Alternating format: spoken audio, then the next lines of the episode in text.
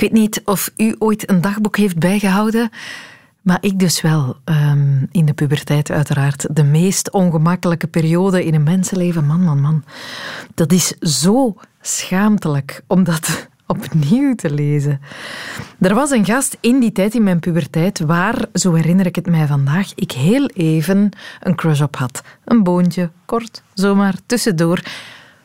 Tot je in die dagboeken gaat bladeren en dan leest dat dat helemaal niet over een korte crush ging. Dat was blinde adoratie. Pagina's heb ik daarover volgeschreven. Plannen smerend over hoe ik dichter bij hem zou kunnen komen. Misschien moet ik casual na school een beetje blijven hangen in dat straatje, want daar passeert hij met de fiets. Ik ga naar Rolling Stones luisteren, want dat vindt hij ook neig. En het ergste is, en dat lees je dan achteraf, we waren ooit even samen, een koppel, het was aan, maar dat besef ik nu pas. Ik mocht dat toen aan niemand zeggen, want zijn vrienden zouden mij niet cool genoeg vinden en dat was niet goed voor zijn imago. En ik vond dat allemaal oké. Dat lees ik in dat boek. Ik vond dat zelfs spannend, zo'n geheime relatie dat is verschrikkelijk dat ik nu moet lezen dat ik mij met een glimlach zo liet doen. Dat is om onmiddellijk dat dagboek te verscheuren, in de fik te steken en sorry te roepen naar de wereld. Sorry voor mezelf toen, ik ben zo niet meer. Gelukkig zijn er ook zeer interessante dagboeken van zeer interessante mensen. Op een zeer interessant moment geschreven. En daar wil ik het graag over hebben. Welkom in de wereld van Sophie.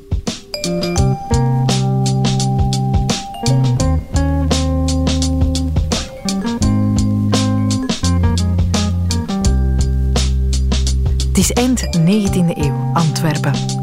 In het station stappen twee geliefden op een trein om stiekem aan een geheime reis door Europa te beginnen. Niemand weet van hun plannen, behalve hun dagboek.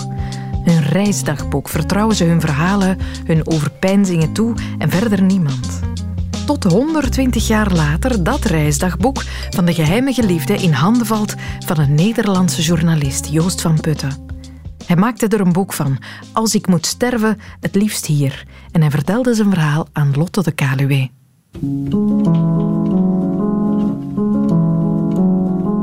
Het is een zus van mij die het boek gevonden heeft op een rommelmarkt in de jaren 70 van de vorige eeuw. Dus een uh, eh, 40 jaar geleden. Tussen de, allemaal bakken met boeken heeft ze dat eruit gevist en had wel het uh, vingerspitsgevoel om uh, te zeggen, nou dat is toch wel bijzonder. De kaft, een mooie leren kaft en mooi papier. En ja, vooral als je begint te lezen, je ziet al gauw dat ze enorme cultuurliefhebbers en niet alleen liefhebbers, maar ook kenners van zijn. Ze, dat zijn ene Pauw en Douche, zoals ze zichzelf in het dagboek noemen. Blijkt dat het gaat om twee geliefden die begin 20e eeuw samen een aantal reizen maakten door Europa en daarvan dus verslag deden in dat dagboek. Ze gebruikten schuilnamen omdat hun relatie geheim moest blijven. De twee leerden elkaar kennen bij uitgeverij Buschman in Antwerpen. Paul Buschman was de zoon van de uitgever. Ze trokken elkaar aan en. Uh het moest geheim blijven, omdat uh, de buitenwereld, enkele vrienden wisten het, maar verder niet. En zeker de familie Bushman niet. Want uh, zij was 17 eh, jaar ouder dan hij. Hij was net in de 20 en zij was achter in de 30 toen ze de eerste reizen maakten. Ze stapten onafhankelijk van elkaar de trein op om dan elkaar in de coupé te vinden en samen door Europa te trekken. Soms drie, vier weken lang dat ze door Schotland of Tirol of dat ze de kust bij Napels en de stad Napels rondtrokken. Het eiland uh, Capri een week hebben rondgelopen en uh, natuurwandelingen. En de, vooral zij, douchen, uh, weet daar heel veel van. En dat beschrijft ze ook mooi en sappig. En ja, ook sappig mag ik toch wel zeggen waren de, het feit dat ze geen bedgeheimen hadden. En daar zowel hij als zij eh, schrijven over wat er s'nachts ook gebeurde. En het woord vossen valt dan een aantal keren. Er werd dus ook heel wat afgevost op die reizen. Want wat waren die twee smoor verliefd op elkaar? In augustus 1899, net terug van hun eerste reis langs Duitse Rijnsteden, bezingt Pauw zijn liefde voor in een lange ode. O lieveling, mijn lieveling, waar mijn hand raakte aan jouw hand, waar jouw mond zich drukte op mijn mond. Daar ontsprongen de lichtvonken als bliksemschichten uit magneetpolen. En al wat duister was om ons heen verhelderde en vermooide in een wonderheerlijke glans. En nog schemeren mijn ogen van het schitterende licht. En nog trillen mijn handen van het mooie dat ze omvatten en streelden. En heel mijn wezen roept, roept om jou. Kom, kom toch, mijn lieveling, kom over mij heen, als dauw over bloemen, als een zoete lafenis in de schroeiende woestijn mijner eenzaamheid. Ik stijg in die duizelende hoogte en rijk naar je met beide handen en vat je, vat je bijna. Eindelijk, oh, eindelijk. De liefde was nog pril toen tijdens die eerste reis. Maar naast de amoureuze passages is het dagboek vooral toch een uniek tijdsdocument dat ons heel wat leert over het leven van toen. Reizen bijvoorbeeld gebeurde per stoomtrein, maar ook veel per koets en per schip. Als ze terugkeren uit de reis van Schotland eh, per schip eh, via Rotterdam naar Antwerpen, komen er uh, twee dokters aan boord om te controleren of, zij, of er iemand aan boord de pest heeft. Het, het treinstation was toen nog klein. Ja, de douche maakt het wel heel klein door te zeggen. Een schuur uh, was het, noemden ze het in Berghem bij Antwerpen. En een kachel moest hun en, en de andere wachtende warm houden. Dat zal ook wel een heel contrast zijn met nu. Ja, dat vond ik ook wel treffend. Dan zijn ze in Florence bij Karel Doudelet, een, een Art Nouveau kunstenaar van enige betekenis, begrijp ik, in, in België geweest zeker. Dan kookte de moeder van Doudelet. En dat vond hij maar dat het allemaal rommelig ging. En het ook niet zo goed was, het eten. En voor haar viel dat wel mee. En, ze, en dan schrijft ze erbij. Maar ja, je moet ook niet vergeten, ze was al 68, dus al heel oud. Ja, dan denk je, ja, dat zou je nu uh, toch niet zo graag zeggen, hoe dynamisch mensen van 68 en fit nog kunnen zijn. Maar dat, ja, dat, dat was je toen waarschijnlijk. Rond 1900 was dat een oud iemand. Ja, een tijdsbeeld is uh, ook dat ze in Stockholm zijn en dat daar koning Wilhelm II uit Duitsland een bezoek brengt. Daar aan de haven is en met de Zweedse koning wordt rondgeleid. En dat zien zij daar gebeuren. Zonder dat ze het wisten, deden die twee geliefden dus aan geschiedschrijving. Maar hun eigen geschiedenis, die liep helaas minder goed af. Althans, voor Douche. De relatie verbreekt in 1908 en dan Pauw uh, trouwt met Elsa van Rijswijk, dochter van de burgemeester die kort daarvoor overleden is, de Antwerpse populaire burgemeester Jan van Rijswijk. En zij uh, is naar Nederland teruggegaan, is uh, op uh, kamers gaan wonen, berooid, weinig geld had ze. vereenzaamd, ge licht gehandicapt geraakt en 79 jaar geworden. Er is geen grafsteen, er is niks van haar. Het is vlak voor het uitbreken van de Tweede Wereldoorlog is ze gestorven. En dat is haar tragiek. Wat een vondst, zo'n dagboek. Historici worden dolgelukkig van dit soort dingen. Er is nog zo'n dagboek, iets gelijkaardigs, waar historici echt lyrisch over kunnen zijn. Een dagboek uit de 17e eeuw van een zekere Samuel Pepys. Schrijf Maar het is Pepys uit te spreken. Samuel Pepys was een klerk bij de Britse zeemacht en hij hield van 1660 tot 1669 een dagboek bij dat door historici wereldwijd gekoesterd wordt, omdat het zoveel prijs geeft over het dagelijks leven op een heel interessant moment in de geschiedenis. Een van hen is professor geschiedenis Johan Verberkmoes van de KU Leuven. Dat begon in die periode. Maar het opmerkelijk is, vele van die dagboeken zijn erg religieus getint. Die ah, ja. werden gezien als een soort spirituele tocht waarbij je jezelf leerde kennen. Wat Pieps dan onderscheidt, is dat daar helemaal niets religieus aan is. Dit is op en top zijn wereldse bezigheden, want die Pieps die wilde hogerop. En dat documenteert hij eigenlijk in zijn dagboek. Ah, ja. Wie heb ik gezien vandaag? Met wie ben ik omgegaan? Maar ook hoe is dat gebeurd? Hoe geniet ik van het leven? En dat is een radicaal anders uh, uitgangspunt. Ja, en dat maakt het dan zo interessant, omdat je over het dagelijkse leven een, een, een neerslag krijgt. Ja, precies. We krijgen hier voor die negen jaar dat hij zijn dagboek bijhoudt een uniek venster op het Londen van die periode. En dan mogen we niet vergeten dat in de jaren 1660 het er heel wat apocalyptischer aan toe ging dan vandaag bij de brexit. Begin september 1665 zag Pepys de stad Londen branden, de Great Fire of Ah, ja. Hij rapporteert daarover. Ik heb snel mijn Parmezaanse kaas, een van zijn kostbare bezittingen, onder de grond gestopt om die te kunnen bewaren. Allee, ik lach er nu mee, maar dat zal inderdaad wel van belang geweest zijn, die Parmezaanse kaas toen. Ja, maar zo heeft hij zijn dagboek opgesteld. Dit zijn zijn boodschappenlijstjes. Wijn bij elkaar gehaald, zegt hij op een bepaald moment. En ik heb die soort wijn en ik heb die soort Rijnwijn. En dan heb ik daar nog een Bordeaux bij. En er zijn weinig van de mensen die ik ken die zo'n wijnkelder hebben. Hij is, hij is redelijk fier op zichzelf, toch? Eh, ja, hij is op en top vier op zichzelf. Zijn dagboek is ongelooflijk eh, belangrijk om eigenlijk in, in iemands innerlijke ideeën te kunnen kijken. Want hij had het bedoeld om weg te gooien waarschijnlijk. Ehm, hij hield het bij in een geheimschrift. Hij schreef echt voor zichzelf, enkel en alleen. Ja, ja, hij gebruikte een soort steno die op dat moment door professionals gebruikt werd. Dus die hadden eigenlijk, zouden geen moeite gehad hebben om dat te ontcijferen, maar het was zijn persoonlijke bezit. Hij deed dat in steno zodat zijn echtgenote, die van Franse komaf was, het niet zou kunnen lezen, zodat zijn bedienden het niet zouden kunnen lezen. Want hij geeft inderdaad zijn persoonlijke ideeën eh, daarin wel weer en dat is toch wel heel uniek. Wellicht had hij het bedoeld om het weg te gooien, maar op het einde van zijn leven, typisch dan, heeft hij het toch bewaard. Hij heeft het tussen zijn boeken gestopt, samen met de handleiding van geheimschrift, Ah, ja. om het te ontcijferen. En daar is het dan pas 150 jaar later tussen ontdekt. Beschrijft hij ook zijn emotionele leven? Ja, en dat, eh, dat, dat maakt het nu wel heel actueel. Ehm, bijvoorbeeld zijn verhouding tot zijn echtgenote. Hij was niet vies van een aantal maîtresses, van individuele avontuurtjes. Ik begrijp wel waarom hij het in ge- geheimschrift heet. Ja, precies. En dan koppel ik dat meteen even aan zijn echtgenote, Ja? Elisabeth.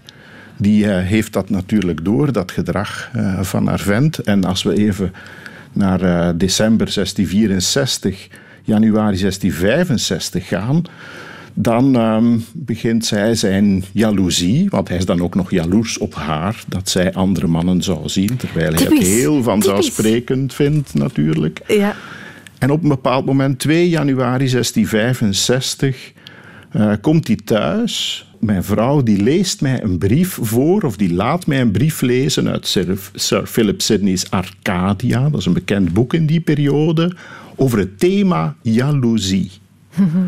En de waarheid is, schrijft, en daar wordt het erg interessant, de waarheid is dat mijn geweten zei dat zij gelijk had, mijn echtgenote. It was most proper for me. En daarom was ik erdoor geraakt. I was touched at it. Maar goed, ik besteed er niet te veel aandacht aan, but it stuck in my stomach. Wauw. Dus hij noteert voor zichzelf dat hij toch zijn geweten wel aan hem knaagt. Natuurlijk dat hij dat dubbelspel speelt met zijn echtgenote. En dat is het fantastische aan dit dagboek. Dat je dat soort intieme gegevens eh, hebt. Ja, ja, ja. Zijn we nog te weten gekomen hoe het met de Parmezaanse kaas is afgelopen? Ehm, moet ik even denken. Ja. Ik denk dat hij die wel ongeveer terug, eh, Terug heeft eh, kunnen terug heeft bovenhalen. kunnen bovenhalen. Ja, ja, ja. en, en al zijn bezittingen, de, de- het goud en zijn juwelen, die heeft hij buiten Londen laten brengen. Hmm. Maar natuurlijk, ja, zo'n kaas, dat riskeer je niet. eh, Dan wordt hij opgegeten onderweg.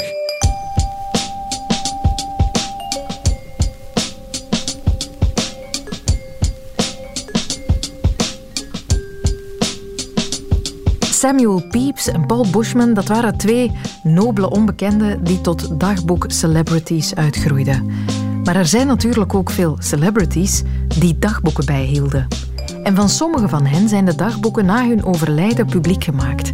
Heel bijzonder is dat, omdat je als lezer natuurlijk meer weet dan de schrijver. Wij weten hoe het verhaal afloopt. Je leest de intiemste gedachten en overpeinzingen van sommige mensen. Het lijkt alsof je naast hen in de kamer zit en hen hoort denken. Maar je kan niks zeggen, je kan niet tussenkomen. Je kan alleen toekijken en de geschiedenis zijn koppige gangetjes ingaan.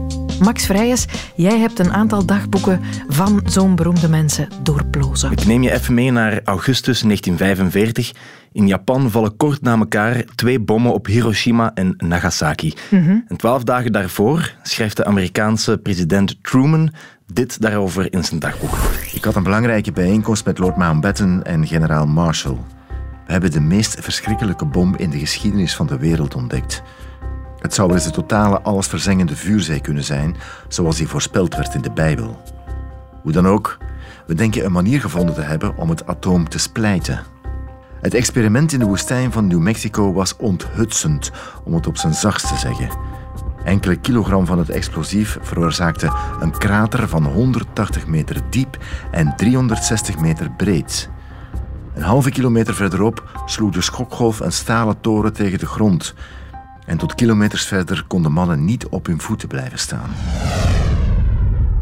Bah, dat is crazy. Nou, duidelijk zelf een beetje ondersteboven van, hè, van de destructieve kracht van die uh, bom. Het heeft hem niet tegengehouden. Nee, want ongeveer twaalf dagen later, twee weken later, die bom toch gedropt. Knal. Nu, zelfde tijd, ander kamp. We rijden naar Hitler. Hij is aan het eten. Plots springt hij recht. Daar is hij. Schudt mijn hand, als een oude vriend. En die grote blauwe ogen, als sterren. Hij is blij me te zien. Ik ben in de zevende hemel. Deze man heeft alles om een koning te zijn. Een geboren tribuun. De toekomstige dictator. Dat is een stukje persoonsverheerlijking uit het uh, dagboek van Jozef Goebbels. Ah, ik was me aan het afvragen. Ja, Welke die, nazi horen we hier? Die zou tijdens de Tweede Wereldoorlog propagandaminister worden van Hitler. Een van de topnazi's ook. Maar dit stukje schrijft hij al in 1925. Maar wat een, wat een aanbidding. Ja, dat valt op. Hè. Echt blinde adoratie voor zijn heiland. De man met de blauwe sterren als ogen. Adolf Hitler. Crazy. Nu, ander fragment. Ik uh, laat het horen. Ik denk dat je wel zal weten over wie het gaat. Ik vind het nogal lullig om over mezelf te schrijven alsof ik een Amerikaanse poprock halfgod ben of een zelfverklaard product van corporate verpakte rebellie. Maar ik heb al zoveel gestoord overdreven verhalen en verslagen van mijn vrienden gehoord en ik heb al zoveel zielige tweederangs Freudiaans evaluaties van interviews van mezelf gelezen over hoe ik een beruchte fucked-up heroïneverslaafde zou zijn, een alcoholicus, zelfdestructief, doch overdreven breekbaar, tenger, zacht, narcoleptisch, neurotisch opgefokt en klaar om op elk moment een over overdosis te krijgen, van een dak te springen en mijn hersenen uit mijn kop te knallen. Alle drie tegelijk. Verdomme. Ik kan het succes niet aan. De muziek verklapt wel wat, hè? Kurt Cobain. Ja, Kurt Cobain. Goh, man. Twee jaar uh, voor hij zichzelf in zijn villa in Seattle van het leven berooft. Ja, en je hoort het, Sophie. Het gaat echt over twee dingen waar hij het zot hard moeilijk mee had. Ja, de roem, de roem die hij niet wilde. En ook de fans waar hij eigenlijk nooit voor wilde spelen. Hè. Hadden we toen maar in zijn dagboeken kunnen lezen, dan hadden we misschien kunnen ingrijpen. Ja, en misschien nog heel wat meer mooie, prachtige teksten gehad. Nog zo'n worsteling in een volgend fragment. Dat is uit het dagboek van Virginia Woolf een van de grootste schrijvers van de 20e eeuw. Onder meer uh, Mrs. Dalloway ja, schreef ze. Ja, uh, heel mooi boek en film over haar leven, The Hours. Ja, klopt. Meryl ja. Streep doet daarin mee, als ik me niet vergis. Nicole Kidman, ja. Nu, uh, het was ook iemand met een groot, een enorm psychisch verleden. Ze had daar enorm zwaar mee. Ze zou bipolair geweest zijn, manisch ook. Uh, en ze verloor zichzelf soms volledig. En we weten nu ook dat ze op 28 maart 1941 uh, stenen in haar jas deed en zichzelf verdronk in een rivier. Ja. En, uh, dit, de Ouz. De Ouz, de Ouz. De Ouz. dit schreef ze letterlijk één dag voordien. Ze had een neus als de hertog van Wellington en grote paardentanden en koude uitpuilende ogen. Toen we binnenkwamen zat ze op een driehoekige stoel met breiwerk in haar hand. Een pijl hield haar kraag bijeen en nog voor we vijf minuten binnen waren had ze al verteld dat twee van haar zonen gestorven waren in de oorlog. Ze vertelde het alsof ze er verdiensten aan had. Ze gaf snit en naad. Alles in de kamer was roodbruin en glanzend. Terwijl ik er zat, probeerde ik complimenten te bedenken. Maar ze vergingen in de ijzige zee tussen ons in. En toen was er niets. En toen was er niets. Wat een slot. Ja. En toen was er niks. Virginia. Nu, allemaal beetje zwaar. Ik voel dat de sfeer in de studio... Ja. Uh, Allee, vrolijker ben ik er niet van geworden. Het wordt een klein beetje bedrukt. Maar het zijn wel mooie fragmenten, maar, maar ja. ja. ja. Maar daarom zou ik graag afsluiten op een positieve noot, als het even kan. Ja, graag. Met de piepjonge Ernest, of Ernestje, Hemingway. Ernestito. Ja, acht jaar is hij op dat moment, maar je hoort eigenlijk... En toen al een dagboek. Je hoort al heel duidelijk ook zijn karakteristieke schrijfstijl. Simplistisch, direct, journalistiek ook. Zat er toen dus eigenlijk al in. Uh, en hij voorspelt dan ook nog eens precies wat hij later wordt. Even luisteren. Mijn naam is Ernest Miller Hemingway. Ik ben geboren op 21 juli 1899. Mijn favoriete auteurs zijn Kipling, Henry en Stuart Edward White. Mijn favoriete bloem is het vrouwenschoentje en de tijgerlelie. Mijn favoriete sporten zijn vooral vissen, wandelen, schieten, voetbal en boksen. Mijn favoriete vakken zijn Engels, theologie en chemie. Later wil ik reizen en schrijven. Later wil ik reizen en schrijven. Ja, en dat is exact wat hij gedaan heeft dan ook later. En Ernest Hemingway had ook een lievelingsbloem. Mm Wat was het? Het vingerschoentje? Het vrouwenslippertje, het vrouwenschoentje. Vrouwenschoentje ja, en de ja. tijgerlelie. Ja. Ah, ja. Dus Sophie, uh, als je kleine nog eens onomwonden zegt dat hij later bijvoorbeeld brandweerprinses wil worden, lach het dan uh, niet zomaar Niet onderschatten, het zou zomaar eens even kunnen. Dankjewel, Max. Polly wants a cracker. Think I should get off her first.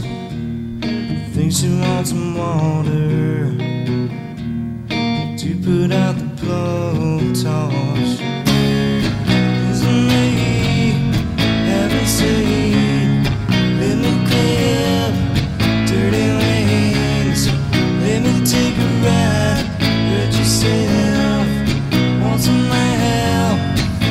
Myself. Got some rope, haven't told. Promise you, haven't true. Let take a ride, hurt yourself. Want some help, help myself. Het aller, aller, aller, aller, aller, aller, aller, aller, aller allerbekendste dagboek is natuurlijk dat van Anne Frank. Het Joodse meisje dat tijdens de Tweede Wereldoorlog een dagboek bijhield over haar leven, ondergedoken in het achterhuis in Amsterdam. Een iconisch dagboek. Misschien stond het bij jou in de middelbare school ook op de literatuurlijst. Radiocollega Wim Oosterlink die is er nog maar net voor het eerst in beginnen lezen. En hij was al meteen onder de indruk. Ja, waarom? Ik weet het ook niet. Ik hoor nu plots eigenlijk dat iedereen dat al in het middelbaar en zo moeten lezen heeft. Ja, staat op veel van die literatuurlijsten, hè? Mij is dat nooit overkomen. Uh, misschien ook maar goed dat ik zelf kan kiezen wanneer ik iets lees. En, uh, ja, ik was in Londen en ik zag een tentoonstelling over zo writers in times of conflict of zo. Mhm. En dat was met een filmpje over Anne Frank. En toen dacht ik van ja, maar nu gaat het gebeuren. Het is al lang dat het op mijn lijstje staat, maar nu komt het bovenaan en ik ben eraan begonnen. Zie. En? het bevalt je? Ja, ja, tuurlijk. Het is, het is boeiend. Hè. Het, is, het is heel bekend. Ik heb ook al ooit het eh, Anne Frank Huis bezocht in Amsterdam. Mhm. Maar ik heb het nooit gelezen. En ja, je zit echt wel in het leven van dat meisje. Het is echt geweldig wat dat betreft. Ja, ja Anne Frank is zo... Dat is een begrip. Hè. Je, je laat de naam vallen, iedereen weet meteen waarover het gaat. Heb, haar anders kennen als je het dagboek daadwerkelijk leest? Ik vind dat je zo... Je ziet bijvoorbeeld hier in het, het, het achterhuis van Anne Frank, het dagboek, dat, dat die heel de tijd ruzie hebben bijvoorbeeld, ah, in de achterhuis. Je denkt van, ah ja, maar die zijn blij dat ze mogen schuilen. Ja, nee, natuurlijk niet. Die zitten heel de tijd verscholen voor de nazi's in Amsterdam.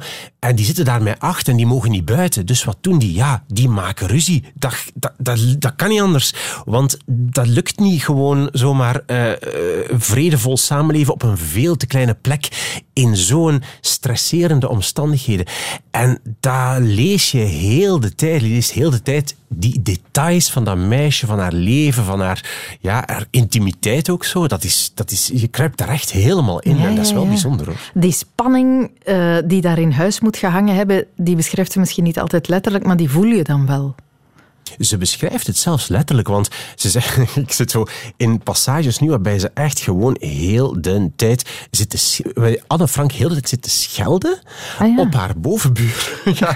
En je denkt van, oh, de lieve Anne Frank. En van Anne Frank is maar echt in dat dagboek, maar echt, echt die is een trut en die zaagt te veel en die is ambetant en haar, haar moeder, uh, daar komt ze niet mee overeen en haar vader soms wel en haar zus is een trut. En dit, echt heel de tijd is dat zo, ja, heel dichtbij en je, dus je krijgt daar wel een veel vollediger beeld van. Terwijl je natuurlijk ook wel de mooie kanten ziet. En het tegelijk ook heel, denk ik, um, goh, mag ik therapeutisch zeggen? Ja, ehm, wel. Ja? Dat, dat, jij mag zeggen wat je wil, hè. Maar uh, dat vroeg ik me af. Zou dat haar ook geholpen hebben in, in die periode? Ik denk dat dat niet anders kan. Ik denk dat als je dat leest, jong, hoe, hoe dicht ze op elkaar zaten, hoe weinig plaats ze hadden, dat ze eigenlijk ze vertelt van ja, ik moet dan mijn bed elke avond openklappen, want dat is eigenlijk in de kamer van een andere man waar ze dan niet zo goed mee overeenkomt. En je voelt hoe dicht die op elkaar zitten, hoe moeilijk mhm. dat is, hoe, hoe bang die zijn van de bombardementen, bijvoorbeeld. hè? Hoe ze zeggen van, oh nee, we moesten weer ons klaarmaken met een tas om te gaan lopen, stel dat er een bom op het huis valt. En in die stress, in die constante spanning, denk ik, en voel je ook dat dat, dat dagboek en, en die Kitty, waar ze dan, hè, die denkbeeldige vriendin waar ze naar schrijft, dat dat enorm ja, ontladend werkt voor, mhm. voor dat meisje van 13 jaar. Dat is dus 13 jaar. Ja, ja, ja. En ook wat je natuurlijk hebt is van ja, het, het, het vreselijke en het mooie en het ontroerende aan dat dagboek van Anne Frank is natuurlijk dat het eindigt. Hè. Je, je kent, het is niet zo spannend. Hè. In die zin, je kent het einde natuurlijk. En dus op een bepaald moment, dus hier, ik zit op pagina 200, ik heb die bij mij 298, en dan, dan, dan staat daar zo helemaal op het einde, hier eindigt Annes dagboek. Mm. Dat is de zin. Dat, dat, is, dat is echt, wow, dat, dat, dat, gaat, dat kan je toch wel niet goed tegen zijn eigenlijk omdat we weten dat ze gestorven is in een concentratiekamp. En dan maakt het heel, heel, ja, wel heel heftig. Ja, Pakkend. Je schrijft zelf ook, hè? je hebt een boek geschreven, uh, je hebt een blog. Heb je ook een dagboek, Wim? Uh, ja, Eigenlijk, maar niet zo dagelijks hoor. Maar ja, ja, ik doe dat wel. Ja, ik doe dat wel. Oei, ben ik nu te, ja, Ik vind het wel wat raar om te daar zeggen. Daar hangt geen oordeel aan vast. Oké, is goed, goed. Maar, maar ja, nee, ja. kan je vertellen wat je daarin schrijft? Niet exact letterlijk de verhalen, maar zo gaat het over, over pijnzingen. Is het gewoon wat je gedaan hebt? Uh, een, beetje, een beetje van alles. Maar het is, wat ik vooral heb, is van... Een merk is dat um, als je met iets zit bijvoorbeeld. Mhm. Het gaat niet goed op je werk of het gaat niet goed thuis, wat, wat, wat dan ook. En je schrijft dat op in wat je dan een dagboek noemt. Uh, ik noem het journal, gewoon om het niet dagboek te noemen. Mm -hmm. Maar goed, uh, ik vind dat minder, minder gênant. Okay. Maar uh, je schrijft dat op, dan merk je soms dat je de oplossing opgeschreven hebt. Dus je bent aan het schrijven en plots zie je van, ah ja, of, of wat ik eigenlijk nu moet doen om, om, om mijzelf vooruit te helpen. En dan ben je zo verwonderd dat je blijkbaar dat dat toch in jouw hoofd zat mhm. en dat je het niet bedacht had en dat je het wel opgeschreven hebt. Dat is, vind ik, wonderbaarlijk. Het is eigenlijk een, voor mij, ik vind dat dat een gratis, gratis therapeut, een gratis therapeut. Terwijl je je woorden ordent, orden je ook je gedachten eigenlijk. Ik, exact, ja. Vind ik wel, ja.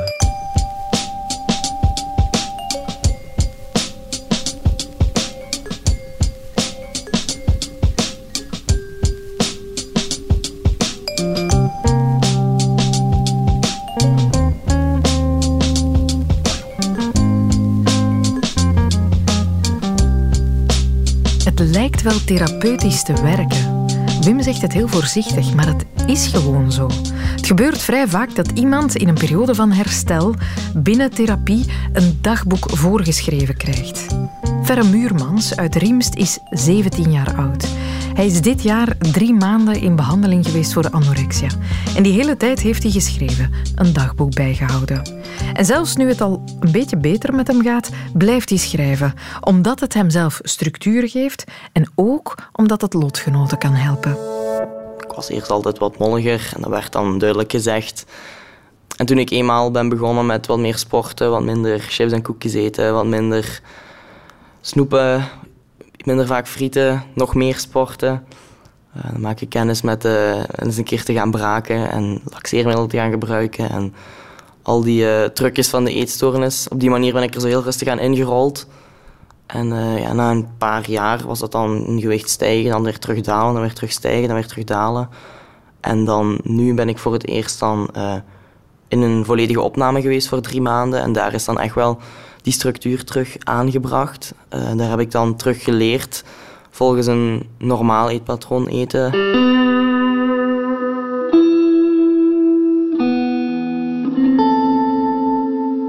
Ik vind het altijd moeilijk om, om, om veel te eten ten opzichte van iemand anders. Dus um, ik heb een hele, heleboel moeten bijkomen. En uh, ik zat dan op een bepaald moment op, op zes boterhammen op dan de middagmaaltijd. Eh, en vooral hier op school heb ik daar dan moeilijk mee. Als ik hier als enige zes boterhammen zou moeten eten. Soms valt het mij toch wel eens op als iemand anders daar met uh, zijn slaatje en twee sneetjes zit. Dat die eetstoornis zo van ergens diep in uw hoofd toch nog terug eh, even naar boven komt om te zeggen van... Uh, vreedzak,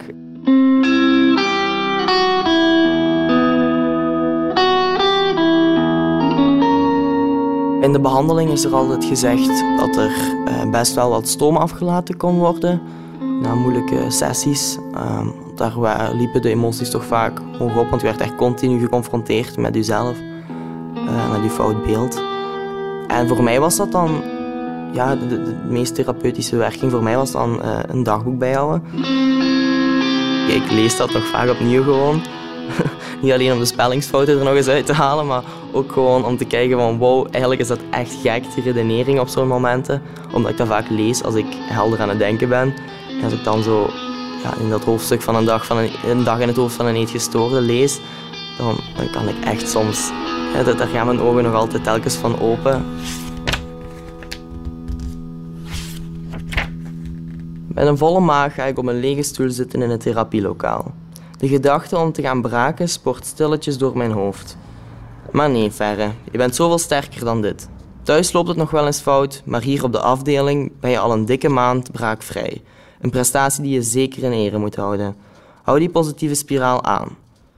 Tegelijkertijd werkt de eetstoornis ook weer hard op me in. Kijk naar je benen. Kijk hoe ze op die stoel klonteren. Beweeg dan verdorie in ieder geval met je voeten als je zo lui bent om niet te gaan braken. Dan verbrand je toch tenminste die 10 calorieën. No way, Ferre, je bent sterker dan dit.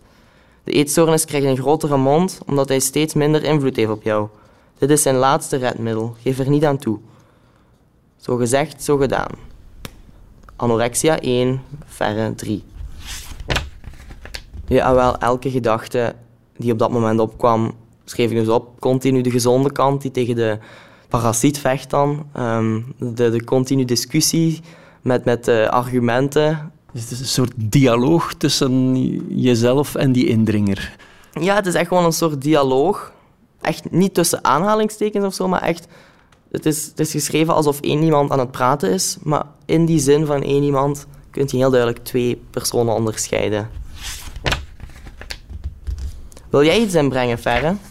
Misschien. Zal ik vertellen hoe het nu echt gaat en toegeven dat ik spieroefening heb gedaan vanochtend?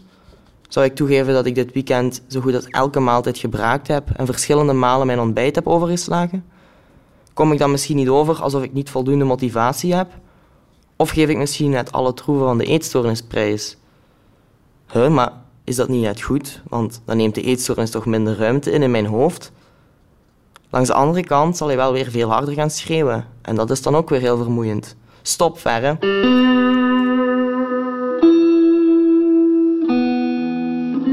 Mij doet het eigenlijk deugd, omdat dit mij de bevestiging geeft van kijk verder het feit dat je nu kunt terugkijken daarop en kunt zeggen van ik was echt niet goed in mijn hoofd.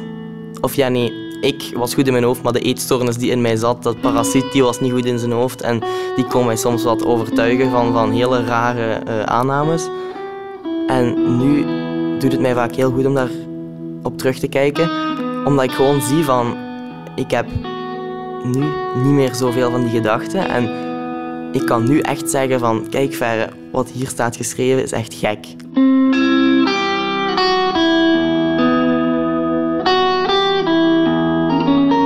doe eigenlijk niks anders meer dan schrijven. Want het is echt een beetje mijn, mijn redding geworden. Ehm, op het moment dat ik aan het schrijven ben, kan ik volledig opgaan gewoon in mijn eigen ideeën. En kan ik eigenlijk gewoon een beetje zo ehm, de wereld van, van, van vandaag even verlaten. En een beetje wegkruipen in, in mijn eigen ja, dimensie gewoon. Ehm, en, dat, dat helpt dan ook heel vaak om achteraf met een heldere kijk daarop terug te kijken. En dus te controleren van ja, in welke mate keek ik toen naar alles en hoe bekeek ik toen dit en dat. En, en dan ben ik echt wel tot, een heel duidelijke conclusie gekomen na heel dat proces. Um, dat echt alles afhangt van je perspectief.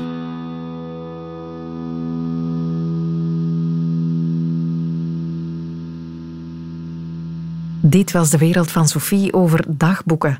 Als je wil reageren op een van de podcasts, dat kan. Je kan ons bereiken via de wereld van Sophie.radio1.be. Abonneren kan je ook als je van deze podcast houdt. Dan krijg je nieuwe afleveringen zomaar vanzelf toegestuurd op je devices. En je hoort ons ook elke weekdag tussen 10 en 12 op Radio 1. Tot snel.